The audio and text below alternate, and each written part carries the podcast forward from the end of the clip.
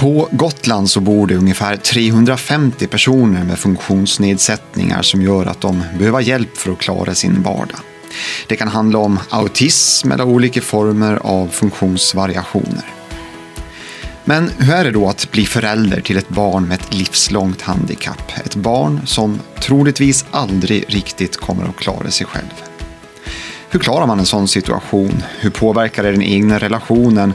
Och vad finns det egentligen för hjälp att få? Du lyssnar på I verkligheten, en podcast från socialförvaltningen. Välkommen säger jag till Caroline Pettersson, mamma till Per med Downs syndrom. Välkommen också Kristina Palmelöv, enhetschef vid socialförvaltningen eh, och du jobbar just med, med de här frågorna, alltså med personer med funktionsnedsättningar. Välkomna hit båda två. Tack, tack. Jag tänkte, jag tänkte jag skulle börja med dig, eh, Caroline, och, och be dig att beskriva det roligaste, eller rättare sagt det svåraste eh, kontra det roligaste med att vara mamma till, eh, till Per. Jag, jag tror jag börjar med det roligaste. Och det är ju all fantastiska härliga kramar. Um, Det är nog det allra bästa.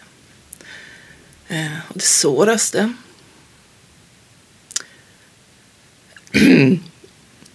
det är att acceptera att han aldrig kanske kan göra allting som han vill.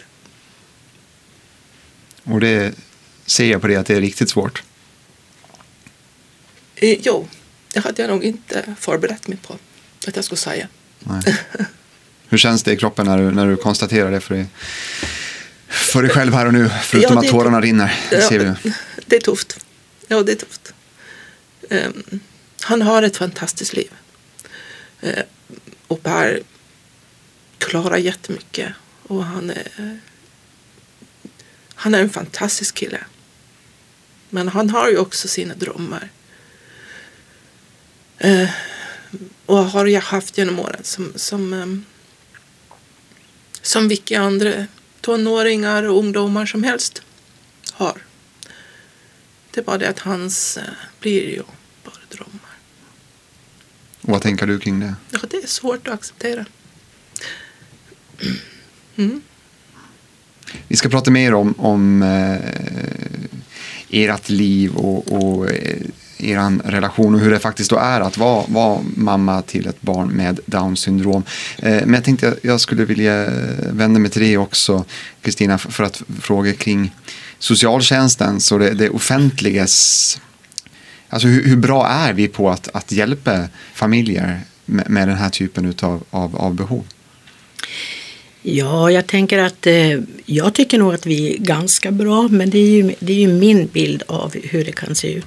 Sen har vi ju saker att slipa på givetvis. Det finns mycket mer man kan göra. Absolut, så är det ju. Bra men inte tillräckligt låter det som. Ja, det finns saker att utveckla.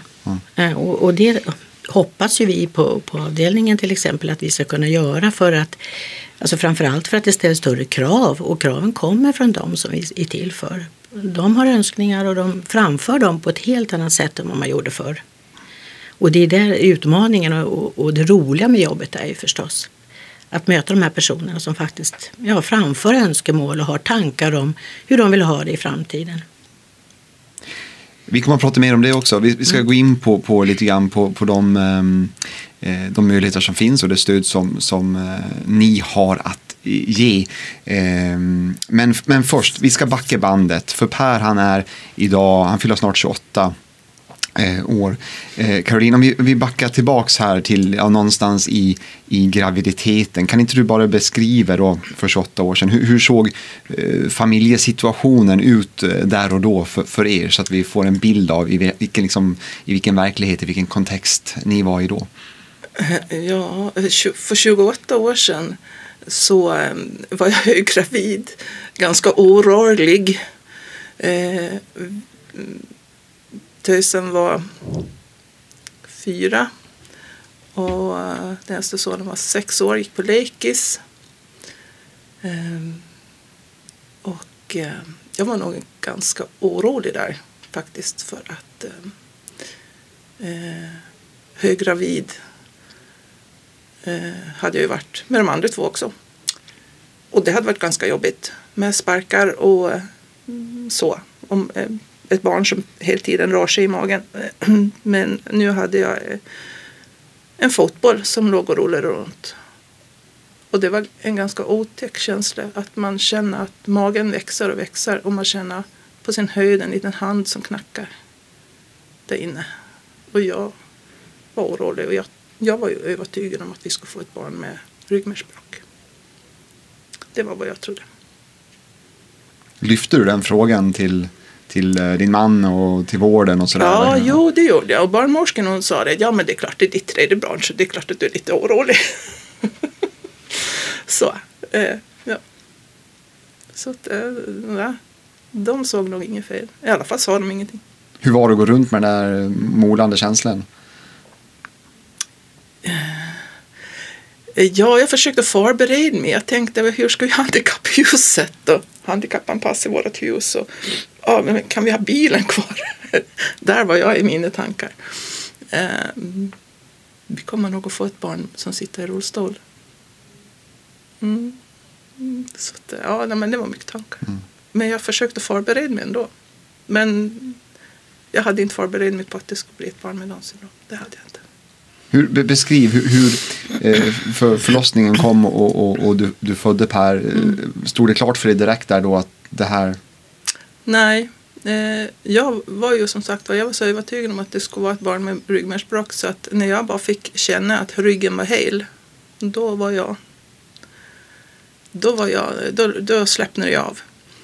Eh, sen såg jag ju att, eh, och barnmorskan sa alltså att det var ju en, en bebis som var väldigt blå och hade väldigt låg tonus och eh, bara låg där i min famn. Eh, och när jag, tänka, när jag sen tänkte tillbaka på det så såg jag ju med en gång att det här var ett barn med Downs syndrom. Men jag, jag, jag, jag, tänkte inte de tankarna där då och då utan då hade allting gått bra kändes det som. Han hade alla fingrar och tår som han skulle och, och så. Och barnläkaren skulle komma och titta på honom sen. Mm. Hur, hur, gick det till när ni fick reda på att det var Downs syndrom? Hur lång tid tog det? Eh, per på natten där och sen eh, mm, Ronny åkte hem till de barnen. Och sen gick läkaren ronden på morgonen. Och då tittade han på Per och så pratade han med mig. Och sa det att eh, det är med största sannolikhet ett barn med morbus Down, sa han. Det visste jag inte vad det var för någonting. Uh, och då... Uh, ja, det var tufft att stå där själv och ta emot det beskedet. Det, det var jättetufft. Och ännu tuffare sen när uh, Ronny och de två andra barnen, när barnen kom. Barnen sprang i korridoren och så där stod jag och grät. Och så skulle jag själv tala om vad som hade hänt. Det var tufft. Vad sa du? Jag, jag sa till, jag, jag, tror att jag sa att vi har fått ett barn eh, som är mongolid. För det var det ordet jag kunde och kände till. Det här morbus Down och Downs syndrom, det visste inte jag vad det var. Och det visste inte Ronny heller. Det var för fin namn för oss. Eh, jag kommer ihåg att Eva Lill som var då fyra år som Har vi inte fått någon lillebror? Ja, ni har fått en lillebror.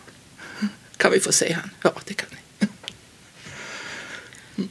Vad var det för tankar som snurrade i ditt huvud då? För jag tänker att det, det måste varit en ja. väldig massa oro antar jag. Jo, det var det ju. Det allra första, jag, de allra första tankarna när jag stod där med läkaren när han berättade varför och hur han kunde säga Eh, att det här var ett barn med Downs syndrom. Eh, det var att eh, gode gud, vad har jag gjort? Vad har jag gett till lilla barn? Jag vill så gärna ha ett barn till. Eller vi vill så gärna ha ett barn till. Och så ger jag honom det här livet. Jag har gett det här barnet det här livet. Vad har jag gjort? Det var de allra första tankarna. Skuld? Mm. Har ni pratat någonting om det, du och Per? Nej, inte med Per. Nej, det har jag inte gjort. Men du och din man kanske har pratat Ja, om det? ja. men det, ja. Hur resonerar ni runt idag? För jag tänker att det, att det kanske går att förhålla sig till det på ett annat sätt än precis då i början? Jo, eller? men så är det ju. Man lär sig, alltså, livet går ju vidare och man klarar ju allting som man ska klara av. Så är det ju. Men um, och vi har ett alltså, vi har ett bra liv och Per har ett bra liv och det blir bra. Alltså allting blir ju bra. Men eh, och jag tror väl att alla föräldrar har väl en oro för sin barn på ett eller annat sätt under, alltså medan de växer upp. Du, om, om du skulle beskriva den, den första tiden med familjen och med, med, med det nya barnet Per. Hur, hur, hur var den? Det var ju mycket nytt att lära sig. Eh, vi fick bra hjälp från habiliteringen. Eh, vi hade en bra kurator som eh, stötte oss och hjälpte oss. Och vi fick tidigt kontakt med sjukgymnasten och fick lära oss hur vi skulle lyfta och hålla. Du vet, det, var, det var ju som en, som en, en, alltså det var ju en bebis som vilken bebis som helst fast utan något motstånd. Alltså det var som en deg. Och han eh, tog inte bröstet för han hade inte sugreflexer. Jag hade jättesvårt att acceptera att jag inte skulle kunna amma det här barnet. För han, han kunde inte. Ska vi kolla lite grann med Kristina, eh, släpp in det lite grann. Eh, för att prata lite grann om, om det här det stödet som finns. Men, men, men först bara, för, för jag sa ju i början att det är ungefär 350, ungefär 350 personer på Gotland som, som eh, har funktionsvariationer och behöver stöd ifrån er. Eh, om vi bara ska börja med, vad, vad är det för några, alltså hur, vad, vad behöver man ha för funktionsnedsättning? För alla, alla med funktionsnedsättning får inte hjälp, utan va, det finns vissa kriterier, eller hur? Kan, kan du beskriva dem lite grann? Ja, man har ju rätt till LSS-insatser om man tillhör det vi kallar för tre olika personkretsar. Eh, och det kan ju vara om man föds med ett, eh, en funktionsvariation som autism. Det kan också vara förvärvad hjärnskada. Eller så kan det vara för, om man har psykiska funktionsvariationer. Då kan man ha rätt till LSS-insatser. Och det är ju en, det är en pluslag kan man säga. Att eh, det hindrar ju inte att man får hjälp från annat håll också. Men LSS kom ju till, det ersatte gamla omsorgslagen för att man ville säkra upp att människor med de här funktionsnedsättningarna ändå skulle kunna leva som andra. Så det var ju liksom tanken med hela lagstiftningen. Och LSS då för oss som inte vet, det står för Det står för lagen om stöd och service till vissa funktions. Just det. Och 350 personer, om man tittar över tid sådär, är det en ökande eller minskande grupp? Är behovet större eller mindre på Gotland? Ja, alltså det kommer ju nya, alltså, alltså nya, vad ska vi kalla det för? kommer personer som har andra former av funktionsvariationer idag. Mer som handlar om kanske om neuropsykiatriska funktionsnedsättningar, alltså de här eh, Asperger. Och det var nog inte så vanligt, att, eh, inte tidigare, att vi uppmärksammade det som att det var en sån, ett sån funktionsnedsättning. Så på, i det, på det sättet så är den gruppen den som har ökat mest de senaste åren. Lindrig utvecklingsstörning och, och neuropsykiatriska funktionshinder. Det är det som man möter mest idag. Åtminstone i de, det jag kommer i kontakt med. Då. Ja. Och om, vi, om vi tittar då lite grann på de insatser som eh, som finns. Det är tio stycken totalt. Eh, och om vi börjar med de, de tre stora om man säger så, bara för att börja bena lite grann i, i, i vilken hjälp man kan få. Eh, man kan ju få, eh, om man nu tänker sig, om man är liten så kan man ju få, få hjälp i form av korttidsavlastning. Alltså det är ju för att hjälpa föräldrar då som har, har sina barn hemma naturligtvis. Och det är ju en stor skillnad mot tidigare när man tänkte att ja, för en 30 år sedan då var det ju liksom inte tal om att man kanske ens skulle ha sina barn hemma. Men man kan få korttidsavlastning, man kan få avlösarservice.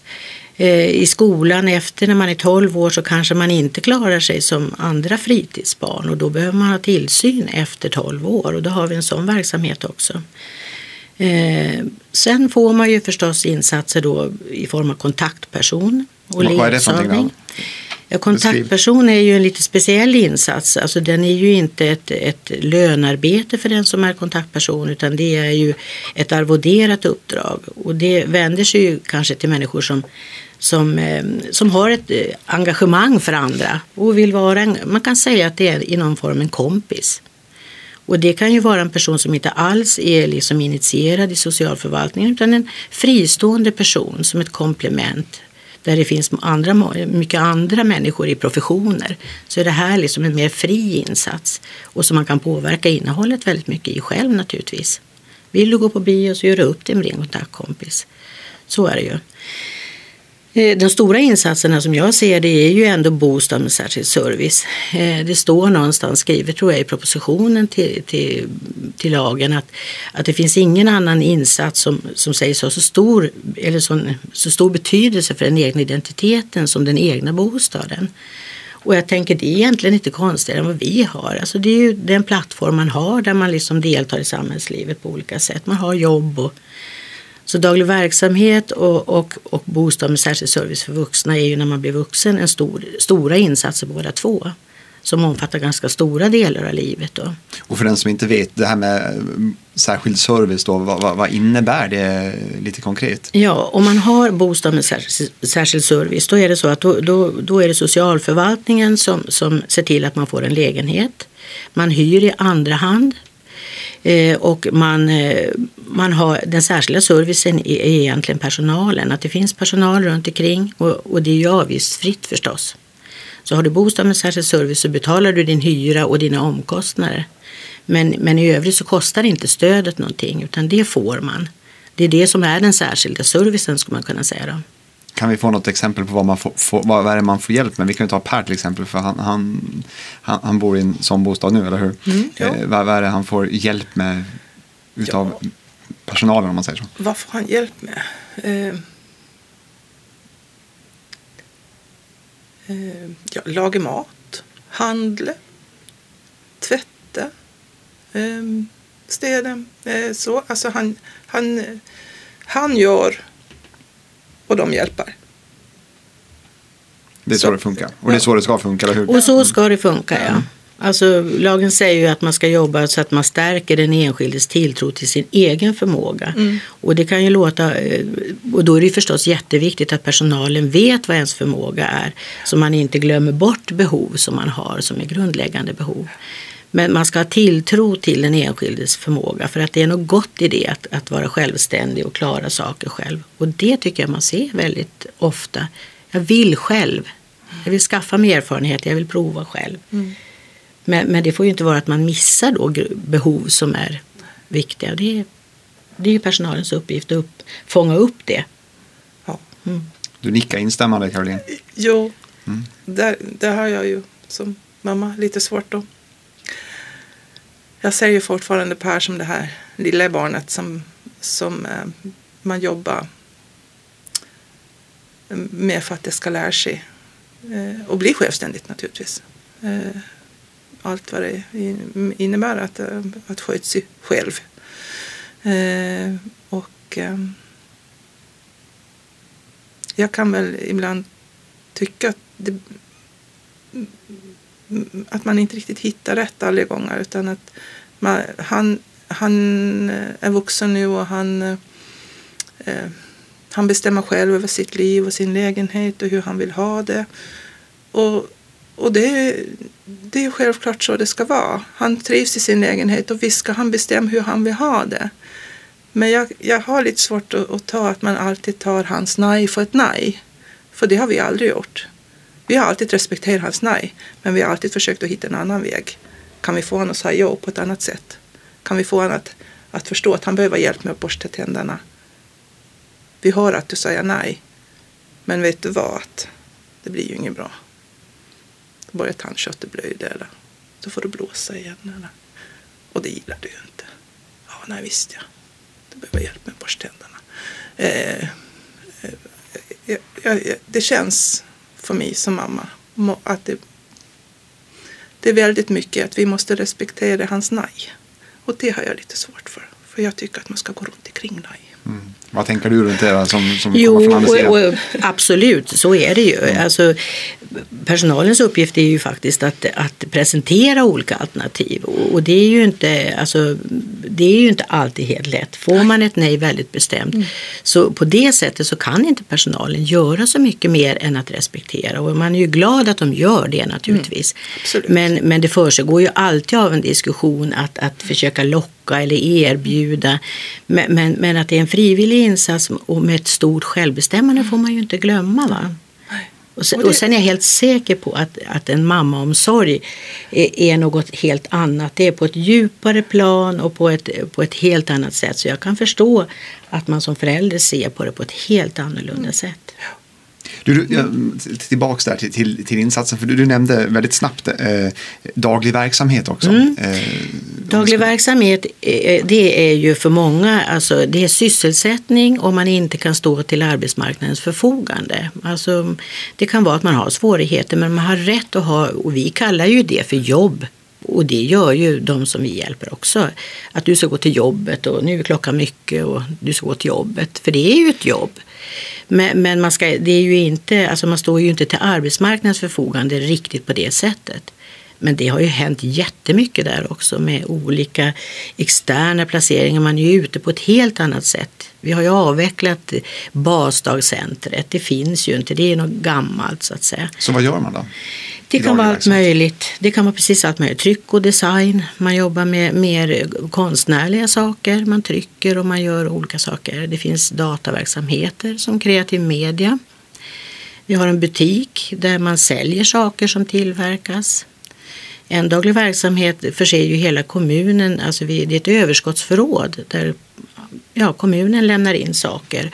Och så, de har både försäljning till privatpersoner och förstås täcker upp det inom regionen när vi behöver ha nya grejer eller fler saker av någonting. Och, och de gör mycket, servar ju förvaltningen väldigt mycket. Ja, sen har vi ju smågrupper som är ute på ICA Maxi och eh, ja, det finns, det finns en, en stor variation på sysselsättning. Har Per någon daglig verksamhet? Ja, ja då, visst. Vad gör han? Han är på kreativ media. Han är på kreativ media. Han är kontorsnisse. Eller datakille. Eller jag vet inte. Vad tycker han om det då? Han kanske gör podcastar just nu. Jag vet inte. Nej. han lägger ut något på Youtube. Kanske. Jag vet inte. Eh, ja, han älskar sitt jobb. Han var på överskottsförrådet förrådet tidigare. Och han trivdes där också. Men han har ju alltid pratat om att han vill jobba med musik och data och så här. Eh, och så fick han möjlighet att, att prova på kreativ media och eh, ja, han följer direkt. Han har en egen dator, eget skrivbord. Han går till jobbet med skjorta och slips. ja, han, han älskar sitt jobb, Ja. verkligen. Mm. Så de gör. De har en tidning som de, och han har skrivit om eh, Frost. Den här Filmen. den här Disney-filmen Frost. Han älskar Frost. Så den har han skrivit om i, i deras tidning och där har han uh, hittat sin plats som han gillar. Det är så. Vad tänker du om det då Kristina? Det är ganska bra betyg. Ja, det är bra betyg och, och, och, och det, det som är skillnaden idag är att man kan ju välja. Är man missnöjd med sin placering idag så, så, så kan man ju faktiskt önska ett annat jobb.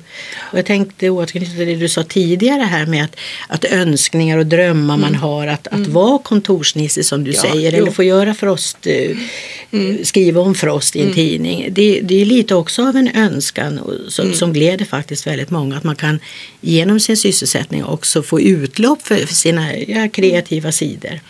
Så, Eller så lägga, det, ut, ja, lägga ut något på Youtube. ja, ja. Och sen har vi ju insatsen personlig assistent som är en stor insats men den verkställer inte regionen nu utan nu är det helt i privat regi. Men tidigare har vi haft personlig assistans och det är också en stor viktig insats förstås för jättemånga. Framförallt om man har stora omfattande funktionsnedsättningar och det är ju det som personlig assistans är tänkt till ju naturligtvis. Och vad gör de då? då? Ja, då har man ju sin alldeles egna personal för att det, det omfattar ju så stor del av livet. Det kan ju handla om att man inte kan äta själv, man kan inte röra sig själv, man kan inte klä sig själv.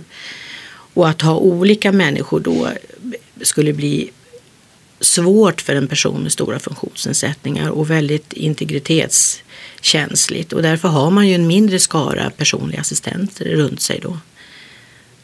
Nu, nu har vi gått igenom, det är, det är en himla massa, det är som sagt det är tio olika insatser. Mm. Är, det någon vi har, är det någon vi har glömt? Eh, ja, det, det finns ju bostäder för, alltså även om man är barn och ungdom. Eh, det är ju först när man blir 18 och man tänker att man kommer över och blir vuxen som man får bostad med särskild service. Har vi glömt någon? Kontaktperson, ledsagare, avlösarservice, Korttids- korttids, Korttillsyn pratar vi om det. Korttidstillsyn, ja. Och då kan ju vara att man, familjen behöver eh, kan behöva avlastning vissa helger för att man ska kunna som familj också göra andra saker. Och det blir ju mer en form av rekreation för den som har det. Ett miljöombyte kan man tänka att man kommer hemifrån och ja, det är ju egentligen ett led också till att bli vuxen och flytta hemifrån så småningom. Eh, men sen kan man ju också ha korttidsfamilj, att man bor hos en annan familj över vissa helger. Eh, och ofta är väl, jag ska inte säga att det är, men det är nog ganska vanligt mer på barnsidan när man är liten att man har den insatsen. Då. Det kan ju vara en familj som har fler barn och behöver kunna göra andra saker. Och då kan man ha en korttidsfamilj som en avlastning kan man väl säga. Mm. Jag vet att en, en kanal för din del var, det var att du skrev.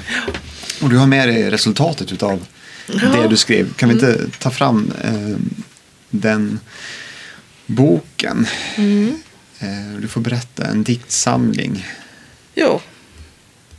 Eh, jag började skriva tankar som snurrade i huvudet när jag låg på BB, när Per bara var, ja, jag tror inte han var en dygn, ett dygn gammal en gång. Eh, och sen blev det mitt sätt att hantera alla konstiga tankar och bra tankar och roliga tankar och så, att skriva ner dem. Eh, och jag skrev och la dem i, i en låda. Eller jag skrev och la i en bok och sen när boken var full så la jag boken i lådan och så här.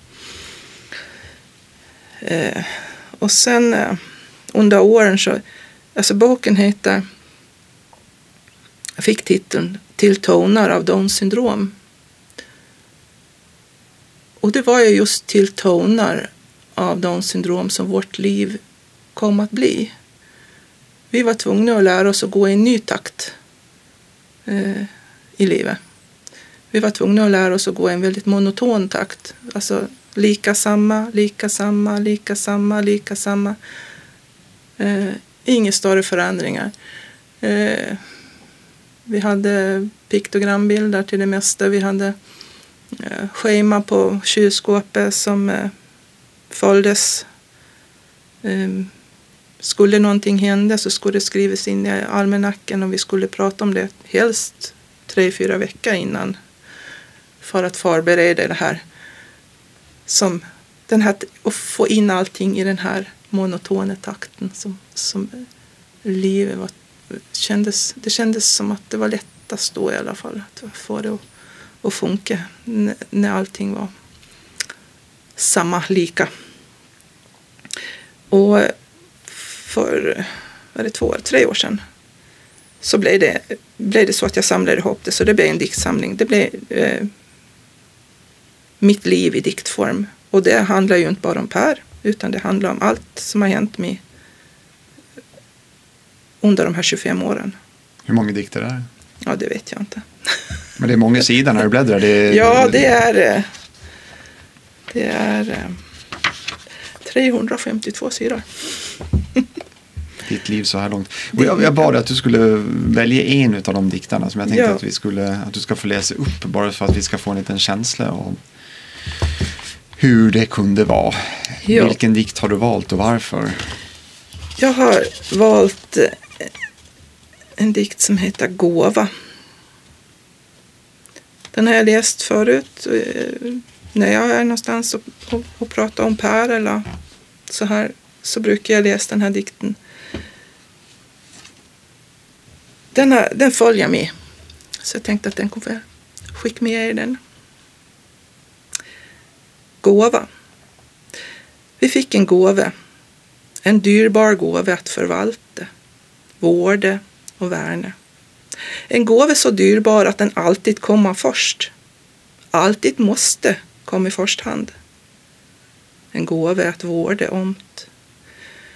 Vi fick en gåva som är, är unik, så svår att få, så sällsynt. Vi fick solsken och skratt, vi fick glädje och tacksamhet. Men vi fick också självkännedom. Vi fick gråt och vild förtvivlan. Vi fick i gåva det djupaste svarta hav och de högsta alptopparnas sköna renhet. Vi fick en gåva att klokt förvalta. Förvalta så att utdelningen blir den bästa. Utdelning i ord och kunskap. I tal, i förståelse. Inte pengar och aktier. Vi fick Per. Per och en extra kromosom. Att få en son är en gåva i sig som många av oss får. Men vi, vi fick även en extra kromosom. Så dyrbar och så sällsynt. En underbar gåva. En gåva. Fint. Mm. Kändes den att läsa? Alltså jag tycker att den förklarar mycket. Det är, det är fantastiskt att få ett annorlunda barn. Vad säger, vad säger Per? För du har väl läst den för annan tror jag. Ja, han säger stolt dig mamma. Och vad tänker Kristina? Jag ser det, du ser berörd ut. Ja, ja, det blir absolut. Eh, Och det är ju speciellt och fantastiskt. Hela din berättelse är ju fantastisk, hur du uppfattar det. Och och det jag tänker är att, att det är så många olika delar när man är förälder. Dels är det som du beskriver småbarnstiden. Men sen kommer det ju liksom milstolpar. Ja, sen kommer skolan som kanske inte är vanliga grundskolan. Det är särskolan. Och sen kommer det där flytta hemifrån och, och, och ofta är det en, en, en, ganska stort för vem som. Och ofta kommer det ju samtidigt. Man flyttar hemifrån till en gruppbostad eller servicebostad och så får man ett jobb och så, och så rullar livet på. Men, och då tror jag det kan bli smärtsamt på ett annat sätt om man är förälder. För då, tänk, då ser man ju andra saker. Mitt barn bor i den här lägenheten. Och, och det är väl någonting som man ser nu att där hänger ju inte riktigt lagstiftningen med. Alltså Boverket då har ju rekommendationer och de är ju inte, det är ju inte jättestora lägenheter. Och jag tänker att som förälder, jag tror att jag skulle, om jag lever mig in i det, skulle uppfatta att ja, här bor min son eller min dotter i 40 kvadrat och så kanske det ser ut över väldigt, väldigt lång tid. Lite det du också beskriver, att man kan ju ha drömmar, man kanske vill bo på landet eller i ett hus, vad vet jag vad man kan ha för drömmar. Men ofta är ju lagstiftningen, det finns ju naturligtvis begränsningar. Va? Så skulle jag önska något för framtiden så är det väl mer att ja, tänka funktionella bostäder. Större bostäder som medger liksom att man kan bli sambo om man vill det. Idag får jag ju erkänna att vi har lite bekymmer när, när folk önskar att, att bli sambos. För ja, hur blir det i våran värld? Oh, det är vi inte vana vid riktigt. va? Men det är inte konstigt. Jag tror ju att man, när man varit ute i samhället och, och varit på dagis och fritids och varit integrerad i skola, ja men då ser man också att jag har möjligheter att påverka och det tycker jag är väl det mest fantastiska i mitt jobb. Att det har ändrat sig så mycket tycker jag över år. Att när man ger människor förutsättningar att, att, att få det, det många har, ja men då händer det någonting. Då vill jag ha det. Jag jämför mig mer alltså demokratiskt med alla. Och, och kommer med sådana önskningar också. Va? Så där får ju vi snäppa upp att möta nya behov, tänker jag. Och, och det är väl det som är det roliga med det här jobbet, tycker jag. Kommer ni klara av att axla den utmaningen då, att, att anpassa er? Ja, jag tror att vi inte har något val. Alltså de kraven kommer och, och, och, och det är ju roligt. va.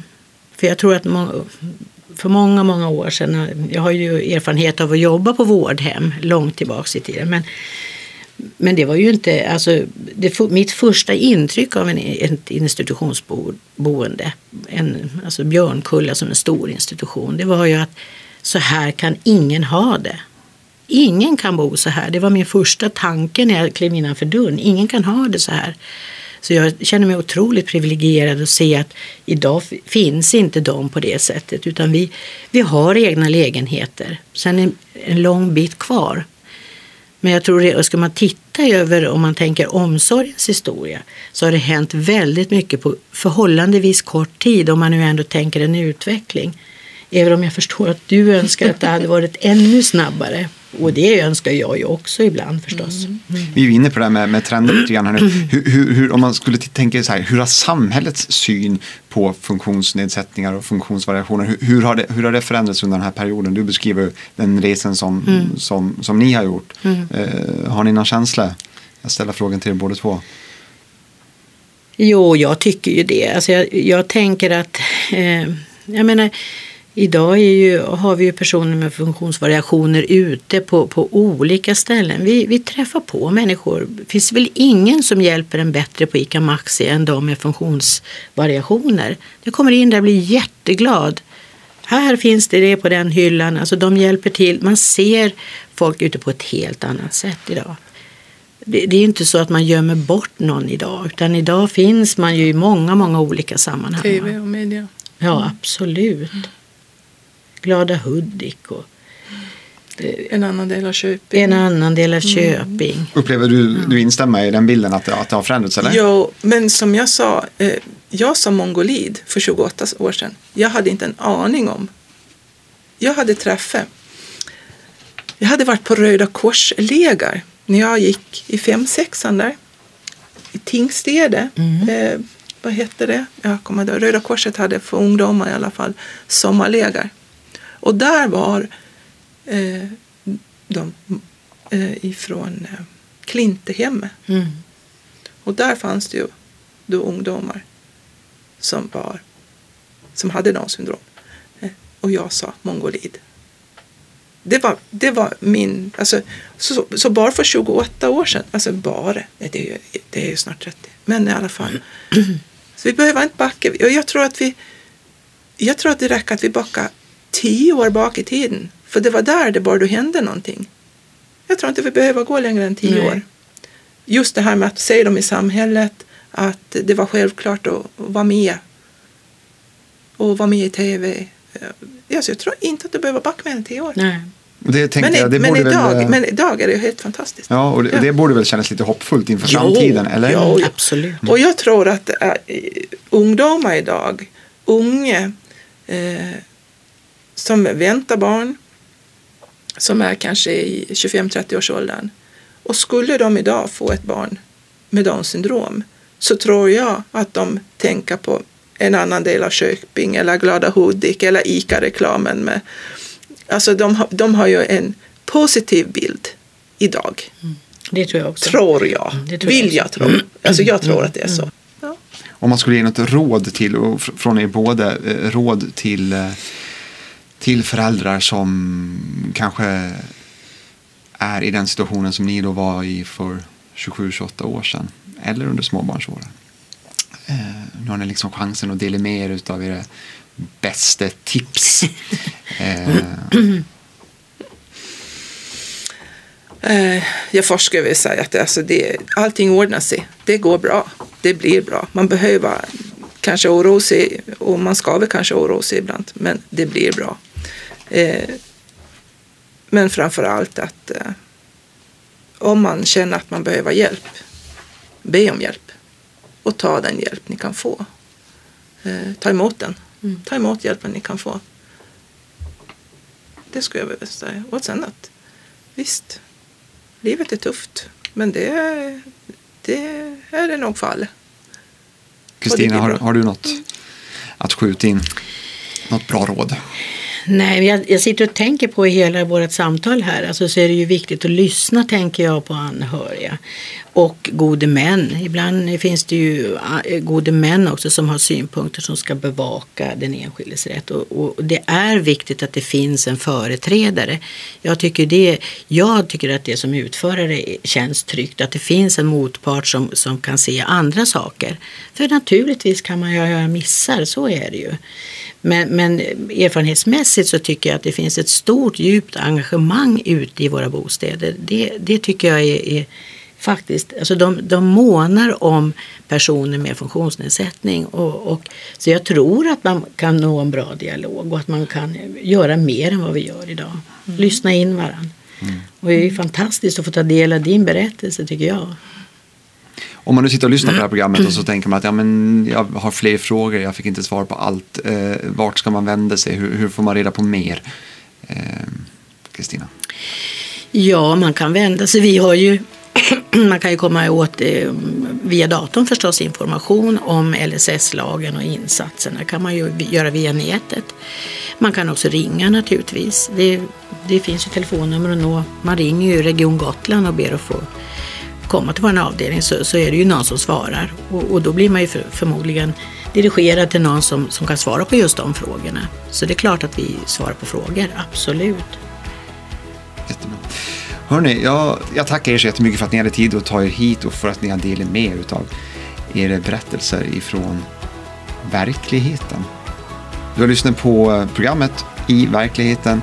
Det är en podcast från socialförvaltningen. Vi finns på nätet på gotland.se eh, snedstreck i verkligheten eller där poddar finns. Tack för att ni har lyssnat.